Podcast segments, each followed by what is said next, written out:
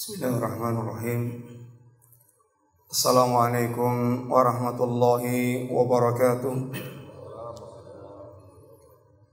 Innal hamdalillah nahmaduhu wa nasta'inuhu wa nastaghfiruh wa na'udzu billahi min shururi anfusina wa min sayyiati a'malina. من يهده الله فلا مضل له ومن يضلل فلا هادي له. أشهد أن لا إله إلا الله وحده لا شريك له وأشهد أن محمدا عبده ورسوله. لا نبي بعده. اللهم صل وسلم وبارك على نبيك المصطفى وعلى آله وصحبه ومن تبعهم بإحسان إلى يوم الدين. Wabah. Alhamdulillah para bapak sekalian dan para jamaah yang rahmati Allah Subhanahu wa taala. Kita bersyukur kepada Allah pada pagi hari ini yang telah mengumpulkan kita dalam suasana ketaatan kepada Allah Subhanahu wa taala yang mudah-mudahan dengan kita mengawali hari kita dengan kita warnai ketaatan kita kepada Allah Allah memberikan barakah dalam seluruh umur kehidupan kita waktu-waktu yang kita miliki benar-benar selalu berpindah dari taat ke taat hingga kita nanti kembali kepada Allah Subhanahu wa taala. Tidak pula tidak lupa pula kita sampaikan ucapan terima kasih yang sangat besar kepada para bapak takmir dan kepada para ikhwah yang telah memberikan kesempatan khususnya kepada saya untuk bisa silaturahim kepada para jamaah sekalian yang mudah-mudahan Allah Subhanahu wa taala menjadikan pertemuan kita pertemuan yang berfaedah dalam rangka kita untuk saling tawasau bil haqqi wa tawasau bis sabr. Para jamaah yang rahmati Allah Subhanahu wa taala, marilah pada pagi hari ini kita mengambil faedah dari sebuah ayat Allah Subhanahu wa taala dalam surat Al-Anbiya yang di antaranya Allah berfirman kullu nafsin dha'iqatul maut wa nabluukum bisyarri wal khairi fitnah wa ilaihi turja'un kullu nafsin dha'iqatul maut setiap jiwa pasti dia akan mengalami kematian. wa nabluukum bisyarri wal khairi fitnah dan kami uji kalian dengan berbagai macam keburukan maupun kebaikan. Dan hanya kepada Allah lah kalian akan dikembalikan. Wa ilaina turja'un. Dan hanya kepada kamilah kalian akan kembali. Para jamaah yang rahmati Allah Subhanahu wa taala dalam ayat yang singkat ini Allah Subhanahu wa taala mengingatkan kepada kita tentang beberapa poin. Yang pertama, maklumat dari Allah Subhanahu wa taala setiap kita kepada setiap kita bahwa benar-benar kita pasti akan mengalami kematian. Suka atau rela, tidak suka atau tidak atau sudah tidak suka atau dia benci, dia suka atau tidak suka, semuanya pasti akan mengalami kematian. Kemudian Allah Subhanahu wa taala tegaskan pula maklumat tentang kehidupan kita bahwa semua yang kita alami di dunia sekarang ini adalah ujian dari Allah Subhanahu wa taala. Kemudian Allah tegaskan yang ketiga, kita semuanya orang-orang yang pasti akan dihimpun dan kita akan kembali kepada Allah Subhanahu wa taala. Para jamaah yang rahmati Allah, Ayat yang Allah awali dengan kalimat kullu nafsin dha'iqatul maut. Setiap kita pasti akan mengalami kematian. Penegasan ini tentunya dalam rangka untuk mengingatkan kepada kita sekalian apa yang telah kita persiapkan dalam rangka kita untuk menghadapi kematian tersebut. Yang kehidupan kita tidak hanya sebatas pada kehidupan kita di dunia sekarang ini. Akan tapi kita akan berlanjut kehidupan kita dengan kehidupan ba'dal mamat sehingga sesungguhnya kita adalah orang-orang yang sedang menjalani perjalanan yang cukup panjang. Oleh karena itulah kata Ali bin Abi Thalib Beliau di antaranya mengatakan ketika menyebutkan di antara ciri orang yang mereka bertakwa kepada Allah Subhanahu wa taala di antaranya wal istidadu liyaumi rahil.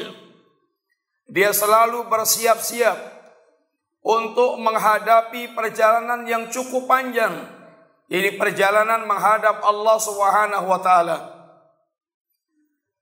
Telah menjadi sebuah kepastian dari Allah siapa pun yang bernyawa, baik dia itu orang saleh atau dia orang taleh, baik dia itu raja maupun rakyat sekedar rakyat biasa, dia itu orang kaya atau dia orang miskin, maka kullu nafsin da'iqatul maut.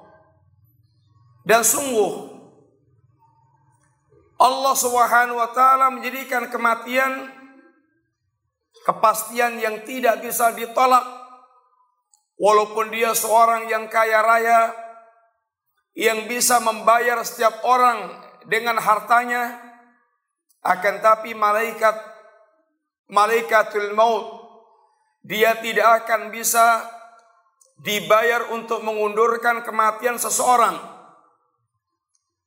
Sekalipun dia seorang panglima besar yang dia bisa memukul mundur setiap musuh yang datang akan tapi dia tidak akan bisa yaitu memundurkan malakal maut ketika telah sampai pada ketetapan ajal bagi dia. Dan siapa pun pasti mereka akan mengalami kematian. Telah menjadi ketetapan Allah Subhanahu wa taala kullu nafsin da'iqatul maut thumma inna wa inna ma tuwaffawna ujurakum yawmal qiyamah Faman zuhziha 'anil nar wa udkhilal jannah faqad faza. Wa mal hayatud dunya illa mataul ghurur. Dalam ayat yang lain Allah katakan sesungguhnya setiap jiwa pasti akan akan mengalami kematian wa inna ma tuwaffawna ujurakum yaumal qiyamah dan sesungguhnya sempurnanya pahala kalian hanya akan Allah berikan di hari kiamat kelak Kemudian faman suksiha nar wa jannah faqad faza. Barang siapa yang dengan proses kehidupannya dengan perjalanan hidup yang dia alami kemudian menyelamatkan dia di neraka dan masukkan ke surga, maka sungguh inilah hakikat keberuntungan. Itulah orang yang betul-betul dia telah menggapai kesuksesan dalam kehidupannya Lalu Allah ingatkan wa mal hayatu dunya illa mataul ghurur. Tidak lain kehidupan dunia ini adalah kehidupan yang penuh dengan tipuan. Barang siapa yang tidak waspada dengan tipuan dunia, maka dia akan menjadi korban yang kesekian kali dari ini keganasan dunia yang selalu memangsa, yang selalu dia mencari mangsanya untuk betul-betul mereka dibuat tertipu dengan kehidupan dunianya. Para jamaah yang rahmati Allah Subhanahu taala sebagaimana Allah ungkapkan di dalam banyak ayat yang mengingatkan tentang kematian kita semuanya sesuatu yang pasti dan mungkin dan tidak mungkin kita tolak perkaranya walaupun bagaimanapun kita lari dari kematian-kematian tersebut maka sungguh semua ikhtiar kita untuk menolak kematian tidak akan berguna apabila telah ditetapkan atau apabila telah sampai ajal kematian kepada kita sekalian. Setiap kita insya Allah telah banyak mendengar ayat-ayat yang Allah Subhanahu wa taala katakan seperti di antaranya وجاءت كل نفس وجاءت سكرة الموت بالحق ذلك ما كنت منه تحيد dan sungguh sakaratul maut adalah perkara yang benar-benar pasti akan terjadi. Dan itulah perkara yang selalu kalian lari darinya. Qul innal mauta alladhina qul, qul innal mauta alladhi tafirruna minhu fa innahu mulaqikum thumma turadduna ila alimil ghaibi wasyadah. Katakanlah kematian yang kalian selalu lari darinya pasti kalian akan bertemu. Ainama takunu yudrikumul maut walau kuntum fi burujim musyayyadah di mana pun kalian berada pasti kematian akan menjumpai kalian. Walaupun kalian berada di benteng yang sangat kokoh. Dan apabila kematian telah datang tidak seorang pun yang mampu untuk menolaknya. Dan bukankah kita selalu mendengar ayat yang juga dibacakan para ustadz kita? Yang Allah Subhanahu wa taala di antara juga berfirman كلا إذا بلغت التراقي وقيل من راق وظن أنه الفراق ولتفت الساق بالساق إلى ربك يومئذ المساق فلا صدق ولا صلى ولكن كذب وتولى كلا إذا بلغت التراقي Ingatlah ketika nyawa telah sampai di tenggorokan. Wakila manrok dan dikatakan siapa yang bisa merukyah Siapakah yang bisa menyembuhkan akan kematiannya sehingga dia bisa menunda dan tidak terjadi kematian menimpa dirinya?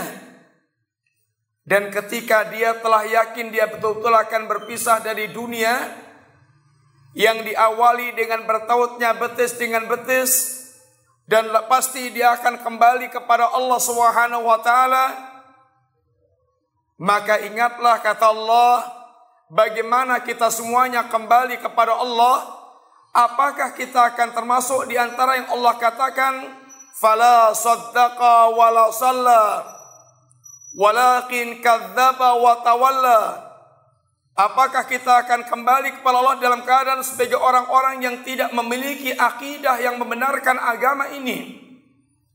Ataukah kita akan kembali pula tidak memiliki amal apa pun sekalipun salat Ataukah yang kita bawa adalah pendustaan agama dan berpalingnya kita dari agama Allah Subhanahu wa taala?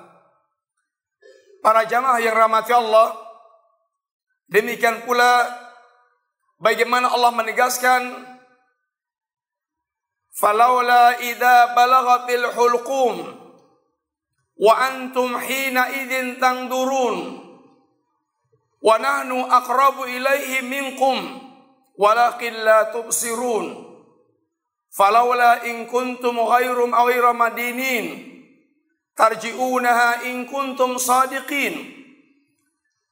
Kenapa ketika nyawa telah sampai di tenggorokan? Falaula idza balagatil hulqum yang pada saat itu Anda benar-benar menyaksikan orang yang akan meninggal. Dan sungguh para malaikat yang akan mencabut nyawa orang tersebut lebih dekat kepada orang itu dibandingkan kalian yang ada di sampingnya. Kenapa ketika kenapa apabila Anda tidak merasa dikuasai Allah, mengapa tidak mampu mengembalikan kematian Anda untuk mencegah datangnya kematian? Maka Allah Subhanahu wa taala ingatkan ini semuanya dalam rangka betul-betul mengingatkan kepada kita setiap kita pasti akan mengalami kematian. Akan tapi tentu yang penting adalah apa yang telah kita persiapkan untuk menghadapi kematian tersebut. Rasulullah Shallallahu Alaihi Wasallam, Bapak Ibu yang rahmati Allah Subhanahu Wa Taala, beliau mengajarkan kepada kita agar betul-betul menjadikan kematian itu selalu di depan mata kita. Ladzat Perbanyaklah oleh kalian mengingat kematian. Kenapa demikian? Karena di balik mengingat kematian sungguh akan sangat banyak manfaat-manfaat yang kita dapatkan.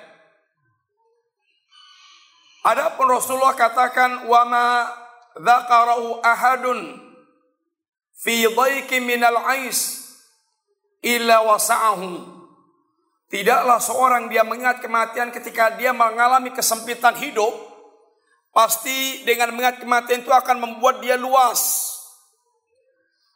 Dan tidaklah seseorang mengingat kematian fi saatin ketika dia dalam keadaan luas, dalam keadaan lapang, illa dhayyaqahu kecuali akan membuat dia sempit. Artinya apabila Seorang dia dalam kematian ketika dia merasakan kehidupan yang sempit, kehidupan yang dia serba miskin, dia sakit-sakitan, dia banyak ujian, banyak yang membuat dada dia sesek dan sempit merasakan keadaan. Barang siapa dia mengingat kematian itu akan bisa meluaskan dadanya karena semuanya akan berakhir.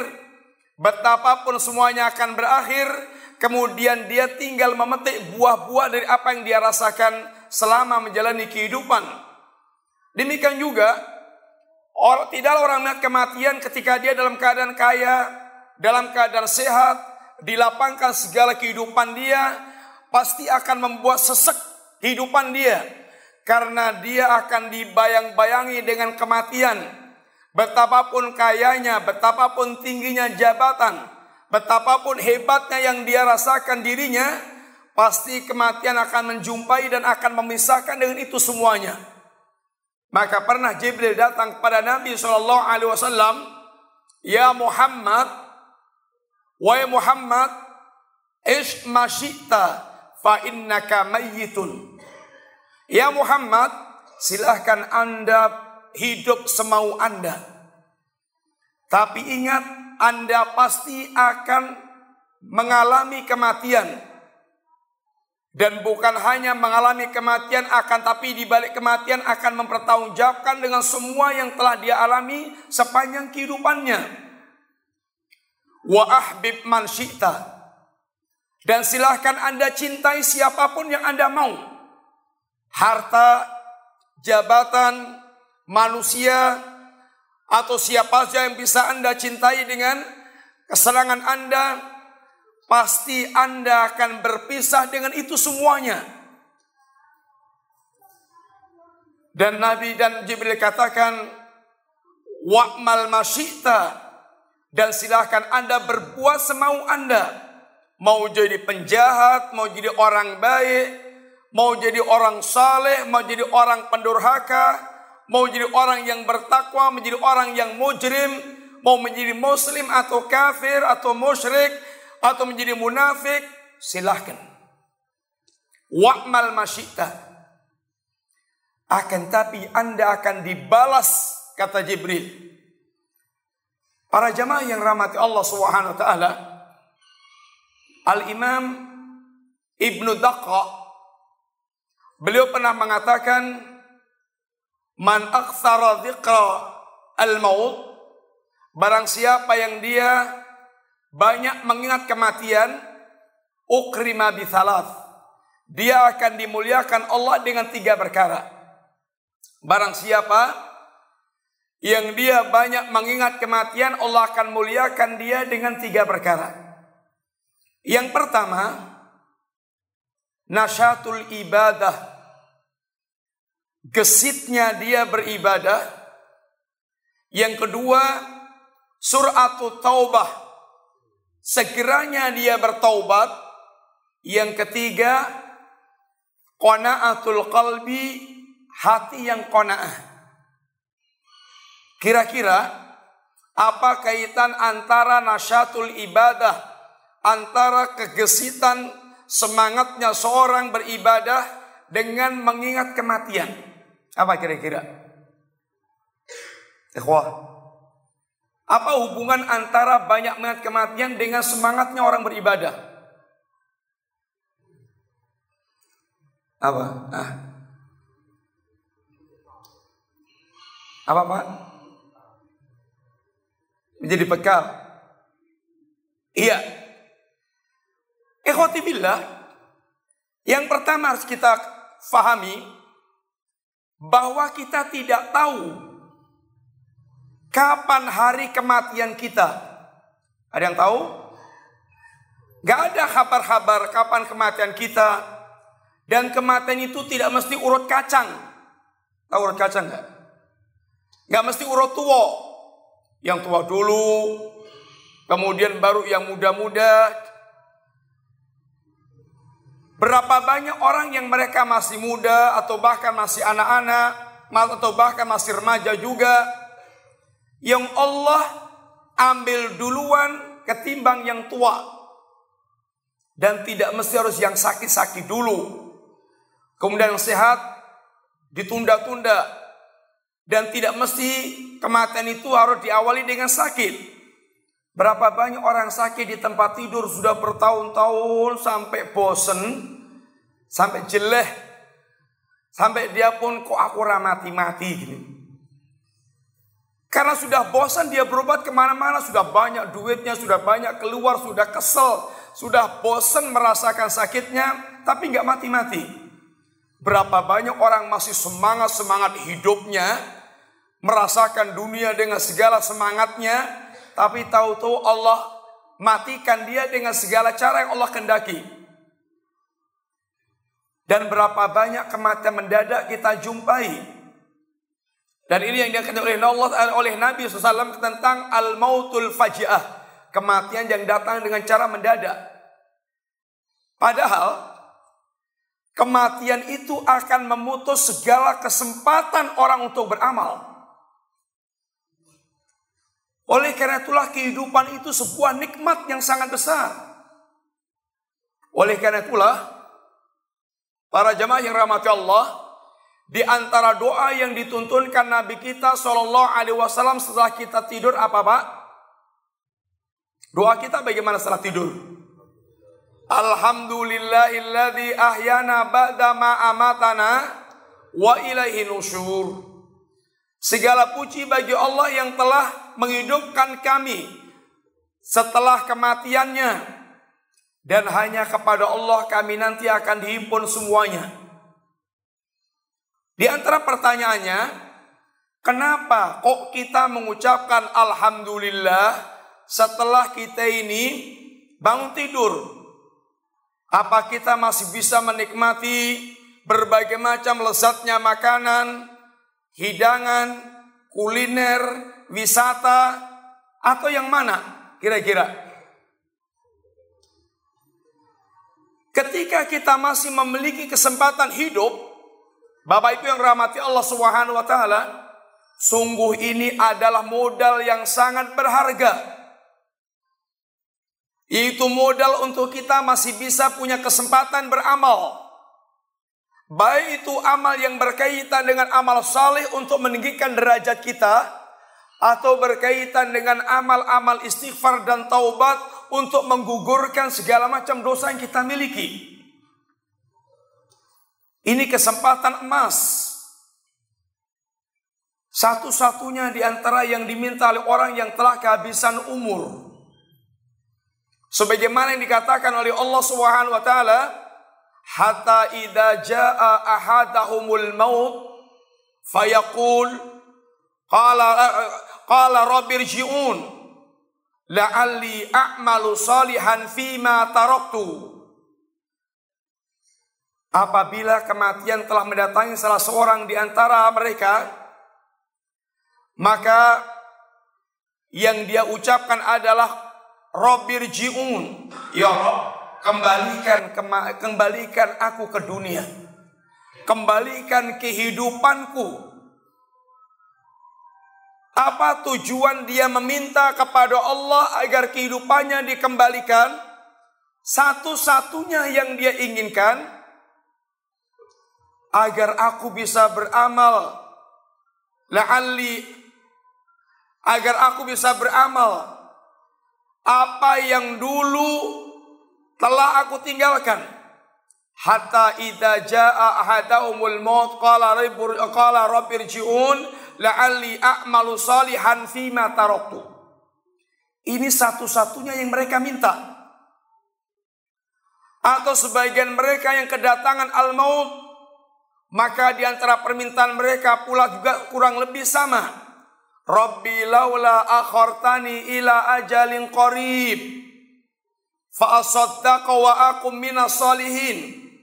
Ya Rabb, undurkan barang sebentar waktu agar aku memiliki waktu agar aku bisa bersodakoh dan aku bisa beramal saleh semua angan-angannya adalah berkaitan dengan kesempatan dia beramal saleh. Bapak Ibu yang rahmati Allah Subhanahu wa taala, sehingga apabila kita masih diberikan kesempatan hidup seperti ini, maka sungguh ini adalah nikmat yang sangat besar yang Allah berikan kepada kita sehingga jangan sampai kita sia-siakan waktu yang kita miliki ini. Karena sungguh orang-orang yang mereka menyanyikan waktu kematian lebih baik bagi dia. Betapa menyesalnya para pendahulu kita dengan waktu yang lewat akan tapi tidak ada amal yang berarti bagi dia. Di antara ungkapan Ibnu Mas'ud radhiyallahu anhu Beliau di antara mengatakan mana dimtu ala syai' kanadami ala yaumin gharabati syamsu naqasa fihi ajali walam yasid fihi amali. Di antara ungkapan Ibnu Mas'ud tidak ada penyesalan yang aku rasakan lebih mendalam dibandingkan ketika telah lewat hari dengan dengan tenggelamnya matahari yang saat itu berarti ajalku berkurang sehari sedangkan aku belum sedang aku tidak menambah amal apa pun di hari itu. Ini penyesalan yang paling dirasakan oleh orang seperti Ibnu Mas'ud karena dia tahu persis bahwa betul-betul orang yang mereka harinya lewat dan amalnya tidak bertambah ini sebuah kerugian yang sangat besar. Karena waktu-waktu itu sangat berharga. Coba bayangkan ikhwati billah. Rasul kita mengatakan satu di antaranya umpamanya. Man qala subhanallahi wa bihamdi.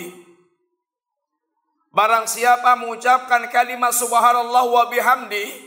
Ghurisat lahu nakhlatun fil jannah Allah akan tanamkan buat dia satu pohon korma di surga.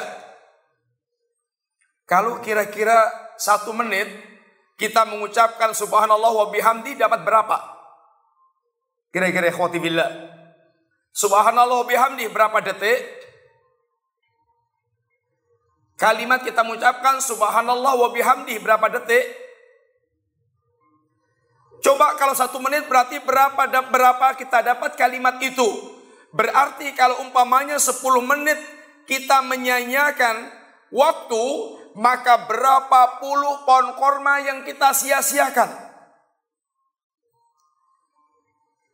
Nabi kita mengatakan pula di antaranya man qala ahad.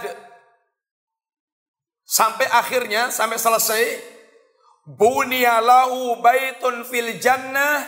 Allah akan bangunkan untuk dia rumah di surga. Coba baca Qul huwallahu ahad 10 kali. Berapa membutuhkan waktu. Maka apabila kita sia-siakan berapa rumah yang telah kita sia-siakan yang Allah sediakan untuk kita di jannah. Maka sungguh waktu ini adalah waktu merupakan nikmat yang sangat besar. Seorang ulama setiap mereka keluar melihat ada pemuda yang tongkrongan kalau kita sekarang ini di warung he. Tahu warung he kan? Angkringan. Tahu angkringan? Orang di situ ngopi-ngopi, ngobrol-ngobrol. Sehingga apabila ditanya jika dia jawabannya kurang lebih untuk menghabiskan waktu. Menghabiskan waktu. Waktunya turah-turah. Apa kata ulama ini? Seandainya aku bisa membeli waktu dia akan aku beli. Karena para ulama kita Masya Allah. Waktu mereka sangat barokah. Waktu mereka hampir-hampir ini tidak ada yang sia-sia. Di antara mereka. Apabila dihabarkan kepada saya bahwasanya besok hari, besok hari kiamat. Sungguh tidak, aku tidak bisa menambah amalku. Apa artinya kira-kira ikhwan? Seandainya dihabarkan kepadaku besok itu kiamat, sungguh aku tidak bisa menambah amalku. Kalau dihabarkan kepada anda besok kiamat, apa yang akan antum lakukan ikhwan? Apa kira-kira? Apa yang akan antum lakukan ketika dikabarkan kepada anda besok kiamat? Hah? Ya tentu bagaimana kemudian hari itu memaksimalkan amal sehingga kembali kepada Allah dalam keadaan dia punya amal-amal yang terpuji di hadapan Allah Subhanahu wa taala. Begitu kurang lebih orang ini seandainya dihabarkan kepadaku besok kiamat sungguh aku tidak bisa menambah amalku. Artinya dia sudah ibaratnya sudah padat Nggak ada lagi selo-selonya untuk nyeselkan amal itu sudah nggak ada lagi. Saking sudah padatnya waktu kita, waktu dia untuk beramal. Itu menunjukkan betapa Masya Allahnya para pendahulu kita dalam memanfaatkan waktu yang ada. Dengan variasi amal yang mereka lakukan tentunya. Oh sekalian, Allah katakan bahwa semua yang akan kita alami di akhirat kelak jazaa'an bima kanu ya'malun. Itulah balasan bagi orang-orang yang telah beramal. Itulah balasan terhadap amal-amal yang telah mereka lakukan. Kulu washrabu hani'an bima aslaftum fil ayyamil khaliyah. Silahkan kalian makan dan minum dengan segala kelezatan yang Anda rasakan itu semuanya akibat amal-amal yang telah Anda lakukan. Jannata ala makana minal amali. Allah akan masukkan seorang ke surga dengan sebab amal-amal yang telah dia lakukan. Apabila amal itu satu-satunya setelah rahmat Allah tentunya yang akan menentukan nasib kita kehidupan setelah kematian kita dan kematian itu berarti memutus segala kesempatan kita beramal, maka sungguh orang yang banyak mengingat kematian, dia akan memiliki semangat hidup yang tinggi untuk mempersiapkan amal. Dia akan memiliki semangat ibadah karena dia tahu dengan amal inilah dia nanti akan mulia di hadapan Allah Subhanahu wa taala setelah rahmatnya Allah taala. Maka dia tidak akan sia-siakan amal. Kenapa kita ini malas aras-arasan untuk melakukan yang baik? Kemudian kalau kita melakukan sholat, ya seadanya, kita taklim, ya disambil-sambil ngantuk atau tidur. Kemudian kita pelit untuk infak, kita tunda-tunda. Kemudian kita tidak semangat untuk melakukan amal-amal yang harusnya kita persiapkan dengan baik-baik. Kenapa? Karena seakan-akan kita ini tidak akan mati kecuali telah tua umur 105 tahun. Saya masih muda, masih Pak Farid berapa? 50, baru 50. Masih muda Pak Farid. Baru 50. Masih 53, masih 55. Uh, masih lama. Sehingga masih santai-santai masih nggak perlu semangat semangat, nggak perlu ngoyo-ngoyo, cik suwe. Tahu-tahu besoknya sudah makan kan. Oh, terlambat dia nggak nyangka. Ikhwatibillah, Maka apabila orang betul-betul dia mengingat kematian, dia akan betul-betul akan memiliki semangat ibadah. Karena dia yakin amal ini yang akan betul-betul mengangkat derajat dia ketika kelak di hadapan Allah Subhanahu wa taala. Yang kedua, surah taubah. Dia akan cepat-cepat bertaubat. Karena dia tahu bahwa kematian akan datang mendadak, tidak permisi, tidak tidak mengenal orang ini sehat atau sakit, kaya atau miskin di mana dia berada, maka begitu dia terjatuh dalam perbuatan maksiat, dia pun segera ingin bertaubat kepada Allah, jangan sampai kedahuluan malakal maut dalam keadaan dia belum bertaubat kepada Allah Subhanahu wa taala.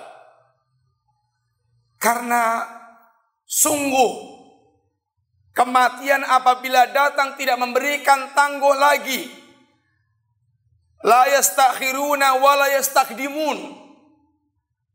Maka seorang mukmin apabila dia tergelincir dalam perbuatan maksiat dan bukan berarti orang yang bertakwa itu ikhwati fillah berarti orang yang tidak pernah tergelincir dalam perbuatan maksiat telah menjadi ketetapan Allah Subhanahu wa taala kata Nabi kullu bani adam khata setiap anak Adam pasti banyak melakukan kesalahan bukan hanya pernah akan tapi khata sering dan banyak melakukan kesalahan.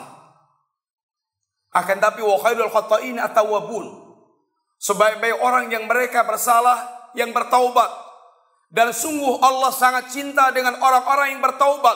Semua para hamba Allah, Allah seru untuk bertaubat kepada Allah Subhanahu wa.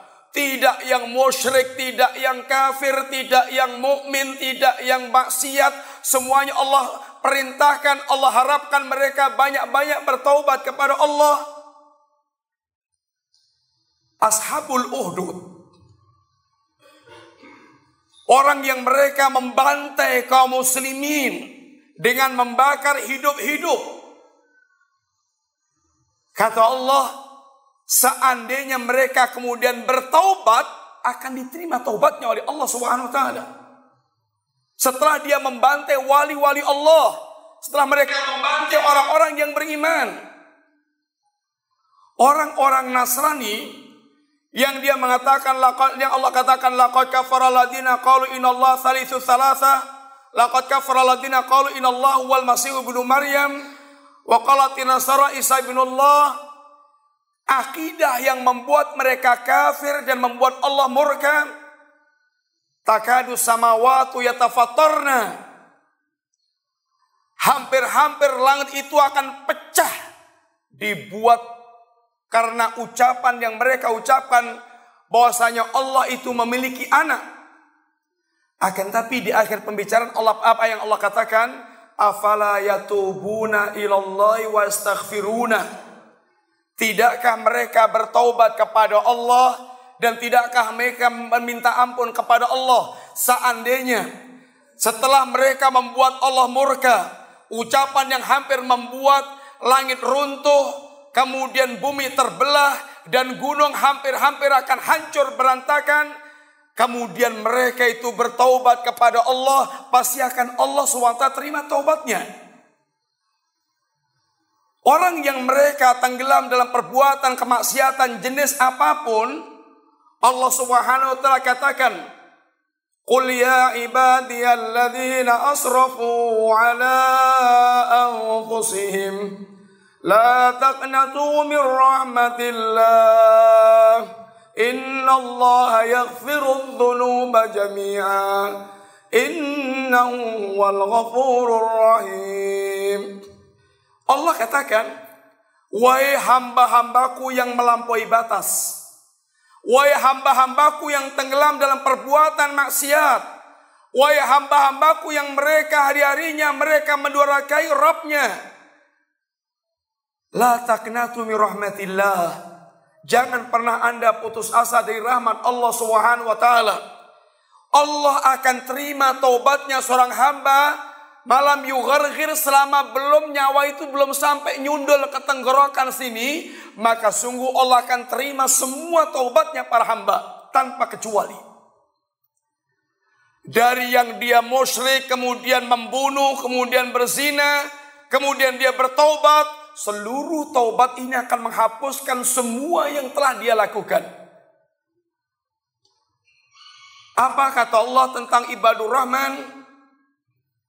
والذين لا يدعون مع الله إلها آخر ولا يقتلون النفس التي حرم الله إلا بالحق ولا يسنون ومن يفعل ذلك يلقى أثاما يضاعف له العذاب يوم القيامة ويخلد فيه مهانا إلا من تاب وآمن وعمل عملا صالحا فأولئك يبدل الله سيئاتهم حسنات وكان الله غفورا رحيما Orang-orang yang mereka tidak menyekutukan Allah dengan sesembahan yang lain Orang-orang yang mereka tidak membunuh dan tidak berzina Orang-orang yang mereka melakukan perbuatan itu semuanya akan Allah yang lipat gandakan adab dan akan Allah hinakan kelak di yaumul qiyamah illa man taba wa amana wa amila amalan saliham kecuali orang yang bertobat yang beriman lalu beramal saleh. Bukan hanya Allah Subhanahu telah menghapuskan amal perbuatan buruk yang dia lakukan bahkan Allah akan menggantikan setiap keburukan yang dia taubati dengan kebaikan. Ini adalah min fadlillah. Ini adalah di antara keutamaan Allah Subhanahu wa taala.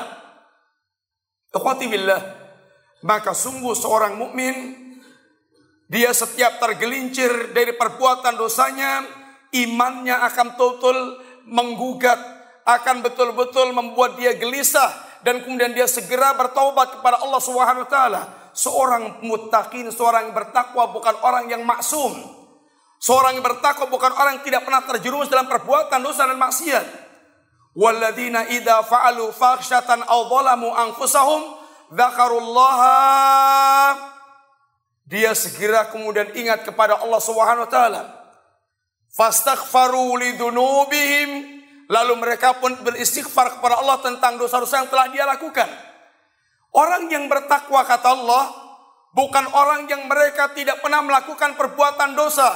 Bahkan kata Allah, laula lam yutnibu laula laula lam yutnibu seandainya mereka tidak melakukan perbuatan dosa la dahaballahu Allah akan mem, Allah akan memusnahkan mereka kemudian Allah akan mendatangkan suatu kaum yang mereka yutnibun thumma yastaghfirun. Mereka berbuat dosa lalu mereka beristighfar meminta ampun kepada Allah Subhanahu wa taala.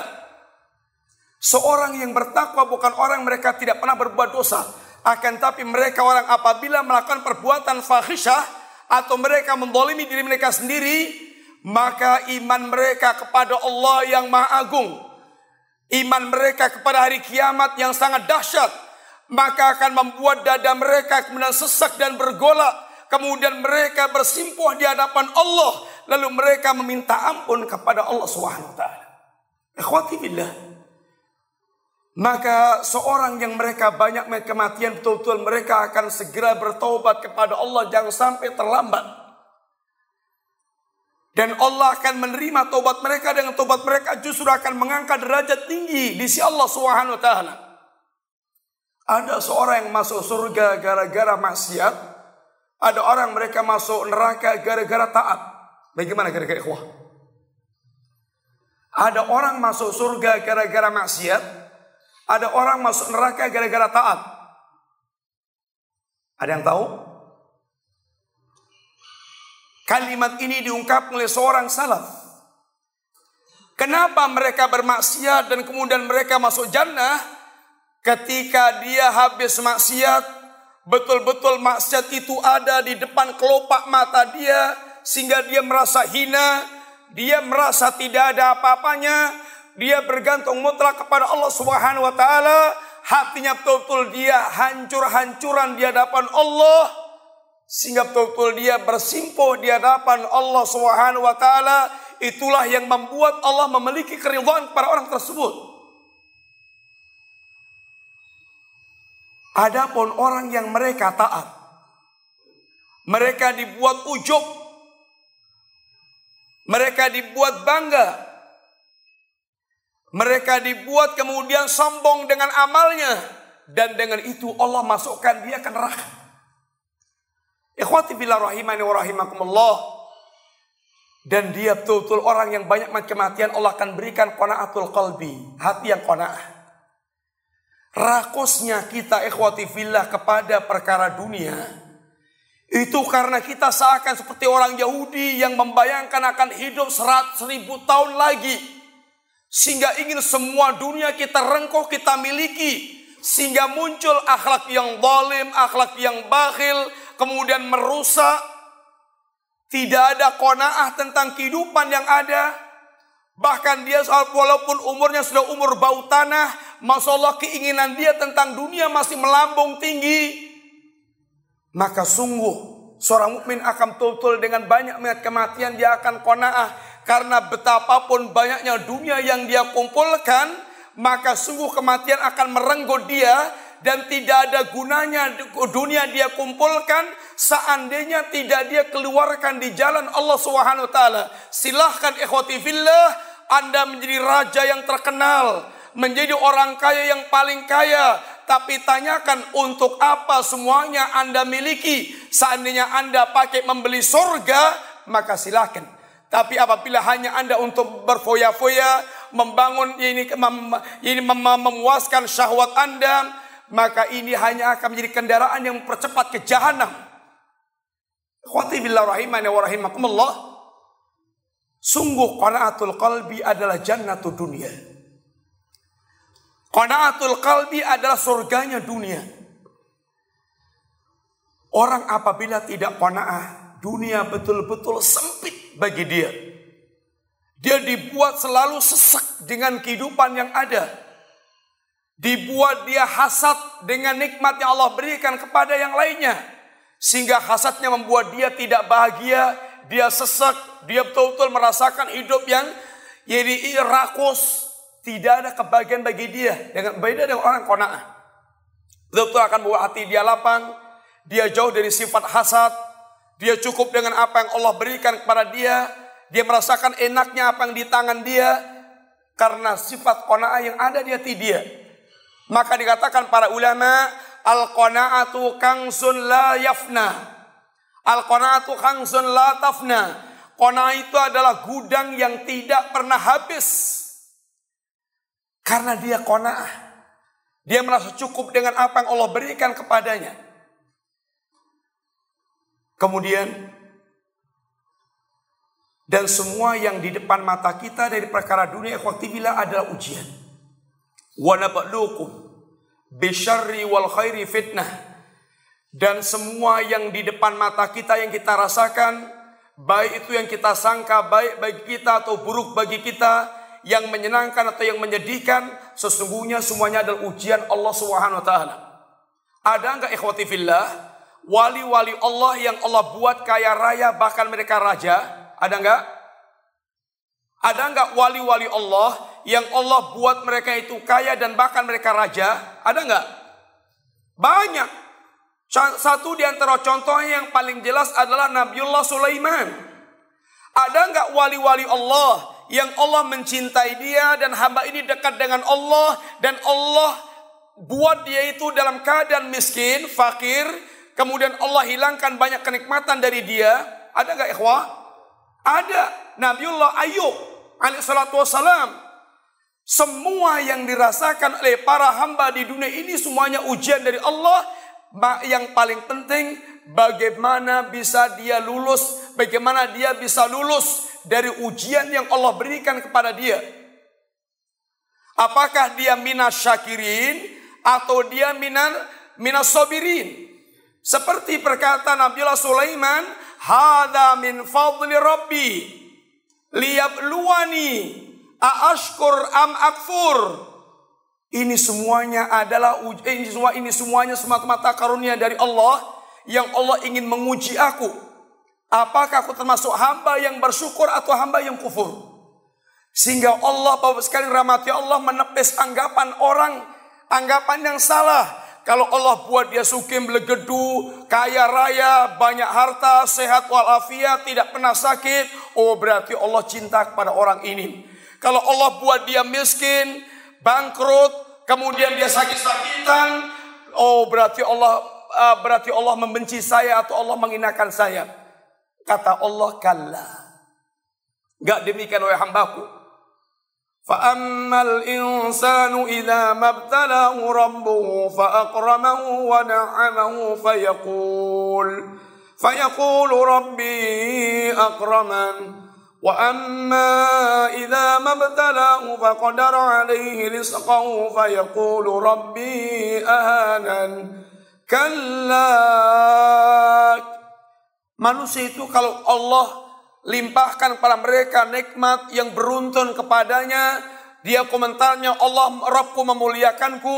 Kalau Allah sendetkan, Allah batasi rezekinya, maka dia katakan Allah menghinakanku. Kala bukan begitu wahai hambaku. Akan tapi urusannya semuanya itu adalah Ida mabtalahu adalah ujian dari Allah Subhanahu wa taala. Apakah dia akan menjadi hamba yang syakir, minas syakirin atau minas sabirin atau bahkan dia akan kufur dan putus asa dengan Allah Subhanahu wa taala. Kemudian ikhwati yang terakhir bahwa kita semuanya ketahui kita akan dihimpun menghadap Allah Subhanahu wa taala. Yas'alu ayyana yas'alu ayyana yaumul qiyamah mereka bertanya kapan datangnya di kiamat. Maka Allah Subhanahu wa taala katakan ketika mereka menghadapi hari yang sangat dahsyat dan mereka semuanya merasakan ngerinya hari kiamat dan mereka katakan aina anna ainal mafar? Kenapa karena ke mana kita akan lari? Kenapa kita akan ke mana kita akan melarikan diri? Kalla la wazar. Ketahuilah tidak ada tempat anda berlari melindungkan diri anda. Ila rabbika yauma idinil mafar. Hanya kepada Rob Anda Anda akan dihimpun menghadap Allah Subhanahu wa taala. Pelarian terakhir hanya kepada Allah dan Allah akan betul-betul mengadili amal setiap hamba yang setiap kita tidak bisa mangkir dari pengadilan Allah Subhanahu wa taala. Wa ilaina turja'un dan kalian akan dikembalikan semuanya kepadaku wahai hamba-hamba Allah. Maka lihatlah proses kehidupan Anda bagaimana di dunia ini. Apakah Anda termasuk orang istiqamah atau orang yang menyimpang dari jalan Allah Subhanahu wa taala? Lihatlah proses kematian Anda. Apakah Anda termasuk orang akan mengalami husnul khatimah atau Anda akan mengalami sul khatimah? Apakah Anda termasuk orang yang dikatakan oleh Nabi, "Man ahabba liqa Allah, ahabba Allah liqa'ah, wa man kariha liqa Allah, kariha Allah liqa'ah." Barang siapa yang dia suka bertemu dengan Allah, akan suka bertemu dengan dia. Tapi barang siapa yang dia benci bertemu dengan Allah, dia akan Allah pun akan benci bertemu dengan dia. Lihatlah diri Anda ketika telah dimasukkan ke kuburan, adakah Anda termasuk bagian orang yang akan Allah berikan kemudian menjawab? Pertanyaan dua malaikat, man rabbuk, wa madinuk, wa manabiyuk dan itu berkaitan dengan keberadaan Anda sekarang di dunia sekarang ini. Dan lihatlah diri Anda ketika Anda dihimpun dibangkitkan menghadap Allah. Adakah termasuk anda yang himpun dengan cara hina atau dengan cara yang mulia? Yang Allah katakan, Yawma nahsyurul muttaqina ila rahmani wafda wa nasuqul mujrimina ila jahannam wirda. Orang-orang yang mereka bertakwa akan kami himpun dalam keadaan Allah muliakan sebagai duta yang Allah angkut di atas kendaraannya sehingga Allah selamatkan dari segala kesulitan kesengsaraan di hari itu. Adapun orang yang mujrim akan Allah himpun menuju jahanam dalam keadaan tenggorokan mereka kering kehausan. Bagaimana ketika Anda nanti menerima kitab catatan amal? Apakah Anda terima dengan tangan kanan Anda atau tangan kiri Anda? Ketika nanti Anda sampai melewati sirat, di mana Anda saat itu? Apakah orang yang Allah teguhkan kaki Anda di atas sirat? Atau bahkan kemudian terjerumus ke dalamnya jurang janam yang sangat mengerikan. Hingga apakah anda termasuk min ashabin nar atau min ashabil jannah? Kata Allah la yastawi ashabun nar wa ashabul jannah. Tidak sama kata Allah antara penghuni neraka dan penghuni surga. Ikhwati billah, inilah perjalanan yang harus kita renungkan dalam kehidupan kita yang mudah-mudahan Allah Subhanahu wa taala memberikan taufiknya kepada kita untuk benar-benar kita menata diri kita sejak dini bahwa kita akan menghadapi kehidupan yang abadi. Bahwa barang siapa yang Allah jadikan proses kehidupannya mengantarkan dia ke surga, faqad faza. Dan barang siapa yang dia hari-harinya mengantarkan dia ke neraka, innal khasirin alladzina khasiru anfusahum wa ahla wa anfahum wa ahlahum Orang yang mereka betul rugi adalah orang yang mereka merugikan diri dan keluarganya yaumal kiamah di hari kiamat kelak. Semoga Allah memberikan taufik yang kepada kita, membimbing kita semuanya hingga kita Allah pelihara sampai pada akhirnya kita menghadap Allah dalam keadaan khusnul khatimah, dihimpun bersama dengan Nabi yang mulia sallallahu alaihi wasallam di jannah dan kepada Allah kita berharap wa sallallahu ala nabiyyina Muhammadin wa ala alihi wasallam dan minta maaf tidak ada pertanyaan waktunya sudah habis. Assalamualaikum warahmatullahi wabarakatuh.